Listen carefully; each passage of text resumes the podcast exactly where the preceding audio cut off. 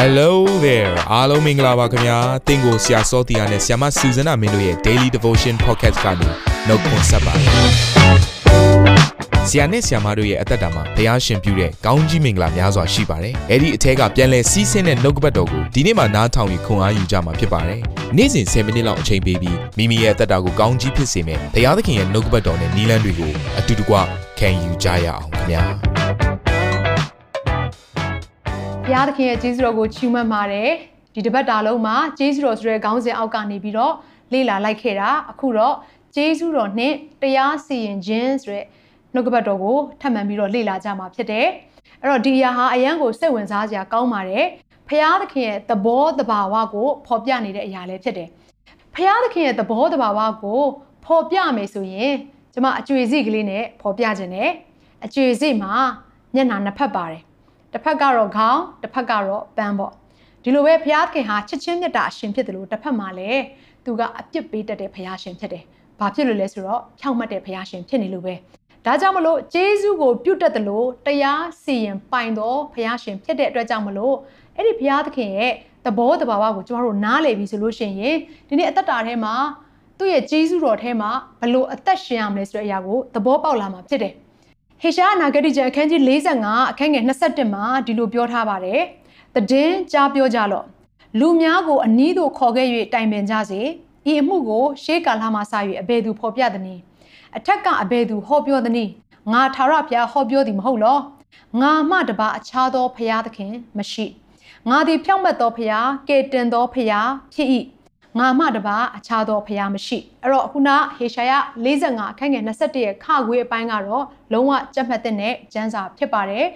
အဲ့တော့ဒီမှာဘာကိုဖော်ပြထားလဲဆိုရင်ငါပြောခဲ့တဲ့သတင်းတွေကိုကြားပြောလိုက်ကြပါတဲ့ဘုရားကငါဟောခဲ့တဲ့တရားကိုဟောလိုက်ကြပါတဲ့အဲ့ဒီအရာကတော့တဲ့ငါဟာဘလို့ဘုရားဖြစ်တယ်လဲဆိုတဲ့အရာကိုဟောလိုက်ကြပါတဲ့ဆိုတော့ဘုရားဘလို့ဘုရားဖြစ်တယ်လဲဆိုတဲ့အရာကိုသူကိုယ်တိုင်ပြောထားပါတယ်ဖြောင့်မတ်တဲ့ဘုရားပြီးရင်ကယ်တင်တော်ဘုရား ဖြောင့်မတ်သောဖះဆိုတာကဘာကိုဆိုလိုနေတာလဲဖះခင်ဟာအပြစ်လုပ်ရင်အပြစ်ပေးမယ်ကောင်းသောအမှုရာကိုလုပ်ရင်ကောင်းကြီးပေးမယ်လို့ပြောနေခြင်းဖြစ်တယ်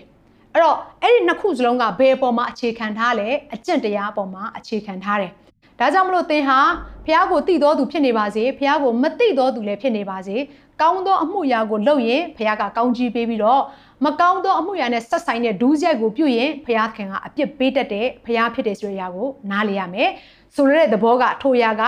ပြည့်ညက်တော်ကိုလည်းရည်ညွှန်းနေခြင်းဖြစ်တယ်တစ်ဖက်မှာတော့ကယ်တင်သောဖះလို့ပြောနေပြန်တယ်အဲ့ဒီအရာကယေရှုခရစ်တော်ကိုပုံဆောင်တယ်ဂျေဇုတရားကိုပုံဆောင်တယ်ဖះသခင်ရဲ့ချစ်ချင်းမြတ်တာတော်ကိုပုံဆောင်ပြီးတော့ကိုယ့်ဘက်ကအခမဲ့ဖះသခင်ရဲ့ ကောင်းမြတ်ခြင်းတွေကိုလက်ခံရယူတဲ့အရာကိုလည်းပြောနေခြင်းဖြစ်ပါတယ်ဆိုတော့ဘုရားသခင်ဟာတရားစီရင်တတ်သောဘုရားသခင်ဖြစ်တယ်လို့ကယ်တင်နိုင်တဲ့ဘုရားရှင်ဖြစ်တယ်ဆိုတဲ့အရာကိုလည်းနားလည်ထားဖို့ရတဲ့ဖြစ်တယ်ဒါကတော့ဘုရားရဲ့သဘောတဘာဝဖြစ်တယ်အဲ့တော့အရင်ဦးဆုံးဘုရားသခင်ရဲ့တရားစီရင်ခြင်းနဲ့ပတ်သက်ပြီးတော့ဘုရားဘလို့တရားစီရင်တယ်လဲဆိုတဲ့အရာကိုဟေရှာအနာဂတိကျမ်းအခန်းကြီး28အခန်းငယ်7ကိုဖတ်ပြီးတော့ကျမတို့လေ့လာဖို့ရတဲ့ဖြစ်တယ် တရားမှုကိုဆုံးဖြတ်ခြင်းဖြောက်မတ်စွာစီရင်ခြင်းကိုမြင်းကြိုးနှင့်မှန်ထုတ်အားဖြင့်ငါပြုမိမိုးသည်ရွာ၍ကိုးစားရာမှုသားကိုပယ်ရှားလိမ့်မည်ပုံးကွယ်ရာအရက်ကိုလည်းရေလွှမ်းမိုးလိမ့်မည်အဲ့တော့ဒီအရာကပုံဥပမာကိုပေးထားခြင်းဖြစ်တယ်ဖျားခင်ကတရားအမှုကိုဆုံးဖြတ်တဲ့အခါမှာဘလို့ဆုံးဖြတ်လဲဆိုရင်ဖြောက်မတ်စွာစီရင်တဲ့ဘုရားရှင်ဖြစ်တယ်တဲ့ အဲ့တော့အခုသူကသူ့ရဲ့တရားစီရင်ခြင်းနဲ့ပတ်သက်ပြီးတော့ပုံဥပမာပေးထားတဲ့အရာကအိမ်တအိမ်ကိုစောက်တဲ့အခါမှာတဲ့အဲ့ဒီအိမ်ကဖြောင်ဖြောင်မက်မက်ရှိနေဖို့ရန်အတွက်เนาะတိတ်ဆောင်းတဲ့အရာမရှိစေဖို့ရန်အတွက်အိမ်ဆောက်တဲ့အခါမှာမြင်းကြိုးတို့မှန်တုပ်တို့ကိုယူပြီးတော့အသုံးပြုရတယ်တဲ့။တနည်းအားဖြင့်เนาะကျမတို့အခုခေတ်ဆိုပေကြိုးတွေဘာတွေနဲ့တိုင်းတဲ့အရာကိုပြောနေခြင်းဖြစ်တယ်။ဆိုတော့အဲ့လိုတိုင်းတာတဲ့အခါမှာသူကလုံးဝတလက်မလေးမှလွဲလို့မရအောင်။ဆိုတော့ ဒီအိမ်ချေရင်ကနေပြီးတော့အိမ်ခေါင်မိုးအထိတိုင်းတဲ့အခါမှာအိမ်ခေါင်မိုးဖြစ်လို့နည်းနည်းလေးအဆောင်ခံမယ်ဆိုတာမရှိပါဘူး။ဒါကြောင့်မလို့ဘုရားခင်ကဗာပြောထားလေဆိုရင်နောက်တဲ့အရန်အံ့ဩစရာကောင်းတဲ့အရာကဝိပ္ပယကျမ်းအခန်းကြီး24အခန်းငယ်16ကနေ20မှာလဲသူတရားစီရင်တဲ့ပုံစံကိုပြောပြထားတယ်ဒါလေးကိုဖတ်ရအောင်လူအသက်ကိုတတ်သောသူသည်လည်းအသေးသက်ခြင်းကိုအမှန်ခံရမည်တရိษံအသက်ကိုတတ်သောသူသည်လည်းဥစ္စာရှင်အားတကောင်အတွက်တကောင်ကိုလျော်ရမည် လူသည်အိမ်နီးချင်းကိုနာအောင်ပြုလျင်သူ့ကိုပြုသည့်အတိုင်းကိုခံရမည်အယိုးကိုချိုးသည့်အတွက်အယိုးချိုးခြင်းကို၎င်းမျက်စိကိုဖြတ်သည့်အတွက်မျက်စိဖြတ်ခြင်းကို၎င်းသွားကိုချိုးသည့်အတွက်သွားချိုးခြင်းကို၎င်းသူ့ကိုနာကျင်စွာပြုသည့်အတိုင်းကိုယ်တိုင်နာကျင်စွာခံရမည်တရိษံတက်ကိုတက်တော်သူသည်တကောင်အတွက်တကောင်ကိုပြန်ပေးရမည်လူအသက်ကိုတက်တော်သူသည်အသေးသက်ခြင်းကိုခံရမည်ကိုအမျိုးသားဖြစ်စေသူတစ်ပါးအမျိုးသားဖြစ်စေ တပါးဒီသောတရားနှင့်သာစီရင်ခြင်းကိုခံရမည်ငါသည်သင်တို့၏ဘုရားသခင်သာရဘုရားဖြစ်သည်ဟုမောရှေအားမိန့်တော်မူ၏ဖခင်ရဲ့တရားစီရင်ခြင်းကဘလို့ပုံစံလဲဆိုရင်သူကမျှတတဲ့တရားစီရင်ခြင်းဖြစ်တယ်ဒါကြောင့်မလို့ကျမ်းစာထဲမှာဘလို့ဖော်ပြထားလဲဆိုရင်ကိုအမျိုးသားဖြစ်စေဆိုလိုတဲ့အရာကဖခင်ကိုသိပြီးတော့ဖခင်ကိုယုံကြည်တဲ့သူပဲဖြစ်နေပါစေသူတစ်ပါးအမျိုးသားဖြစ်စေဖခင်ကိုမသိဘဲနဲ့ညှင်းဆန်တဲ့သူတွေပဲဖြစ်နေပါစေဖခင်ကလူသားတွေကိုတရားစီရင်ပြီးဆိုရင်ဗတ်မလိုက်တဲ့ဖခင်ရှင်ဖြစ်တယ် အိမ်ခေါင်မိုးနဲ့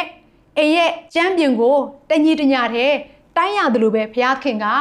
အားလုံးကိုတပြေးညီတရားစီရင်တဲ့ဘုရားရှင်ဖြစ်တယ်။ဒါကြောင့်မို့တခါတလေကျမတို့ဆုတောင်းတက်တဲ့အရာတစ်ခုရှိတယ်။ဘုရားသခင်ရဲ့ဖြောက်မတ်စွာတရားစီရင်ပေးပါလို့ကျမတို့ဆုတောင်းလေးရှိတယ်။နော်ဒီလူဒီလူကတော့ကျမတို့ကိုညှင်းဆဲတယ်ကျမတို့ကိုအနိုင်ကျင့်တယ်ဖျက်ဆီးတယ်ကျမတို့ရဲ့အသက်တာထဲမှာနာကျင်ရတယ်ငိုကြွေးရတယ်ဘုရားသခင်ရဲ့ ဖြောက်မတ်စွာတရားစီရင်လိုက်ပါလို့ဆုတောင်းပြီဆိုရင်ဖះကတရားစီရင်ပြီဆိုရင်တစ်ဖက်ကိုပဲတရားစီရင်မှာမဟုတ်ဘူးတစ်ဖက်ကအပြစ်ကိုပဲကြည့်မှာမဟုတ်ဘူးဆုတောင်းသောသူရဲ့အပြစ်ကိုလည်းတပါတယ်တပြေးညီစီရင်မှာဖြစ်တယ်အဲ့တော့ကျမတို့ကဆုတောင်းတဲ့အခါမှာဖះသခင်ရဲ့ဖြောင့်မတ်စွာတရားစီရင်ပေးပါဆိုတဲ့အရာထက်ဘုရားသခင်ကိုရရဲ့တနာခြင်းဂရုဏာကျေးဇူးကိုကျွန်တော်ကိုပေးပါလို့ဆုတောင်းရမှာဖြစ်တယ်။အဲ့ဒီအရာကပဲတင့်ရဲ့အသက်တာထဲမှာ ထိုဘုရားသခင်ရဲ့ကယ်နှုတ်ခြင်းကိုခံစားရစရာအကြောင်းရှိပါတယ်ဒါကြောင့်မလို့ဆုတောင်းချက်တွေမမားစေချင်ဘူးမိတ်ဆွေများဒီနေ့ကျမတို့ဘုရားသခင်ထံကိုတိုးဝင်တဲ့အခါမှာကိုဘလောက်မှန်ကန်တယ်လဲဆိုတော့ကိုယ့်ရဲ့ကုသိုလ်ကိုအမိပြုပြီးတော့တစ်ဖက်ကိုနာကျင်စီလိုတဲ့ဆန္ဒနဲ့ဆုတောင်းရမှာမဟုတ်ဘဲနဲ့ကိုဟာဘုရားသခင်ရဲ့တော်လျော်သောမဆခြင်းကျေးဇူးကိုခံယူဖို့အတွက်လိုအပ်ပါတယ်ကိုရောကျေးဇူးပြုပါတနာပါလို့ဆုတောင်းမယ်ဆိုရင်တော့ကျမတို့အသက်တာထဲမှာလွတ်မြောက်စရာအကြောင်းယနေ့ပဲရှိပါတယ် ဒါကြောင့်မလို့ဖခင်ရဲ့ကျေးဇူးတော်ကိုအပြည့်အဝခံစားနိုင်ဖို့ရန်အတွက်တနာချင်းယူနာတော်ကိုတောင်းခံပါလို့ပြောတဲ့အခါမှာဒီပုံဥပမာလေးကိုကျွန်မပြောပြခြင်းတယ်ဆိုပါစို့တနေ့ကျတော့ကျမကကားမောင်းနေဆိုပါစို့ဘေးနားမှာကျမရဲ့ခင်မွန်းတွေပါတယ်ကျမရဲ့သားသမီး၃ယောက်စလုံးလည်းပါတယ်အဲ့ဒီအချိန်မှာမီးပွိုက်နေတာကိုကျမမြင်ရတဲ့နဲ့ဖြတ်မောင်းမိသွားတယ်ဒါနဲ့ရင်ထဲရဲကကျမရဲ့ကားကိုမြင်တဲ့အခါမှာဥပဒေကိုချိုးဖောက်ထားတဲ့ကျမကို နော်အပြစ်ပေးဖို့ရန်အတွက်သူကကားကိုလှမ်းတားတယ်ဒါနဲ့သူကဒဏ်ရိုက်ဖို့ရန်အတွက်စာရက်ပေါ်မှာစပြီးတော့ရေးတယ်ဆိုပါစို့ကျွန်မကလည်းဒဏ်ရိုက်မခံချင်ဘူးနော်အဲ့ဒီအပြစ်ကလွတ်ချင်တယ်အဲ့လိုအပြစ်ကလွတ်ချင်တဲ့အခါမှာကျမကကျမရဲ့ခမွန်းတွေကိုလှည့်ပြီးတော့ပြောလိုက်တယ်ဒဲဒီရဲ့ငါဒဏ်ရိုက်မခံချင်ဘူးဘယ်လိုလုပ်ရမလဲဒါနဲ့ကျမခင်မွန်းတဲ့ကဘာပြင်ပြောပဲထင်လဲနင်အပြစ်ကျူးလွန်ထားတာပဲကျူးလွန်ထားတဲ့အတိုင်းဒဏ်ရိုက်ခံရမှာပေါ့ဒီလိုပဲသူကပြန်ဖြေမှာဖြစ်တယ် သူကကျမကိုကယ်နိုင်တာမှမဟုတ်တာကျမကိုဒီကျူးလွန်ထားတဲ့နော်ဥပဒေကိုလွတ်မြောက်အောင်သူကလုပ်ပေးနိုင်တာမဟုတ်ဘူးဒါနဲ့ကျမကကျမခင်မွန်းတဲ့ဘက်ကိုလှည့်ပြီးရတယ်မကပဲနဲ့ကျမသားနှစ်ယောက်ကိုကျမကလှည့်ပြီးတော့ပြောလိုက်မယ်သားတွေရေငါကတော့အခုဒဏ်ရိုက်ခံရတော့မယ်မမီဒဏ်ရိုက်မခံချင်ဘူးဘယ်လိုလုပ်ရမလဲလို့ကျမကသားတွေကိုလှမ်းမေးလိုက်တယ်ဆိုရင်သားတွေကရောဘာဖြစ်မယ်ထင်လဲမမီရေသားတို့ကမမီကိုအပြစ်လွတ်အောင်လုပ်ပေးလို့မရဘူး မမီကသားတို့ကိုပြောမဲ့အစားမမီကိုဒဏ်ရိုက်တဲ့ရင်တင်းရဲကိုပြောကြည့်ပါလားလို့သူတို့ကဒီလိုပဲအကြံပေးလိုက်မယ်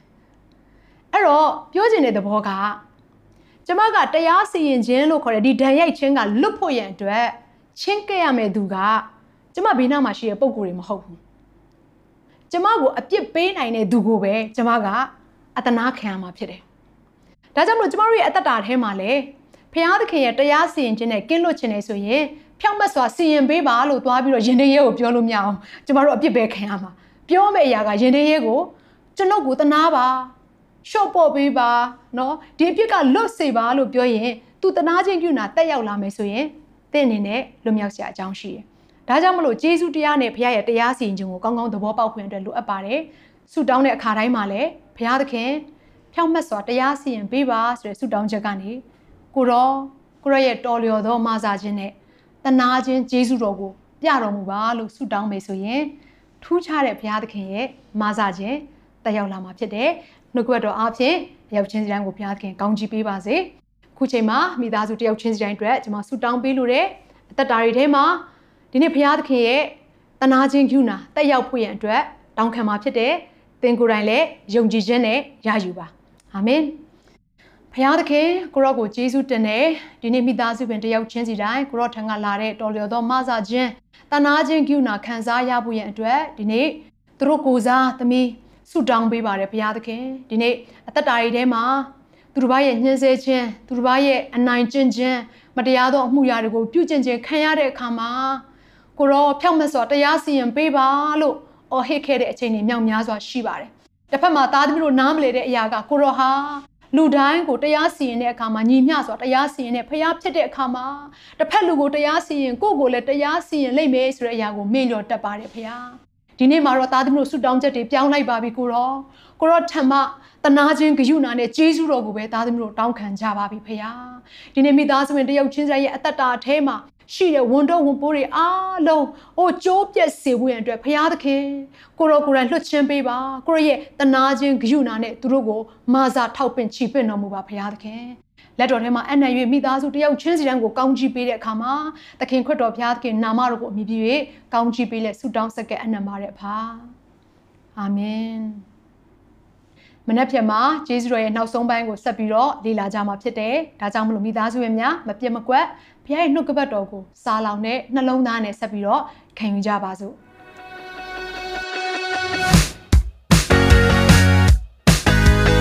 နာတော်တာစင်သူတိုင်းရဲ့အသက်တာမှာကောင်းကြီးဖြစ်မယ်ဆိုတာကိုကျွန်တော်ယုံကြည်ပါတယ်။သင်ရဲ့အသက်တာအတွက်များစွာသော resource တွေနဲ့ update တွေကို Facebook နဲ့ YouTube platform တွေမှာလည်းကျွန်တော်တို့ပြင်ဆင်ထားပါတယ်။ Facebook နဲ့ YouTube တွေမှာဆိုရင် search box ထဲမှာစုစွမ်းနာမင်းလို့ရိုက်ထည့်လိုက်တဲ့အခါအပြအယောင်အမှန်ချစ်ထားတဲ့ Facebook page နဲ့ YouTube channel ကိုတွေ့ရှိမှာဖြစ်ပါတယ်။နှုတ်ကပတ်တော်တွေကိုဗီဒီယိုအားဖြင့်လည်းခွန်အားယူနိုင်ဖို့ရန်အတွက်အစဉ်သစ်ပြင်ဆင်ထားပါတယ်။ကျွန်တော်တို့ဝိညာဉ်ရေးရာအတွက်အထူးလိုအပ်တဲ့ဖွင့်ပြခြင်းတွေနဲ့ခွန်အားတွေကိုရယူလိုက်ပါ။နောက်ရက်များမှာပြန်ဆုံတွေ့ကြရအောင်ခင်ဗျာ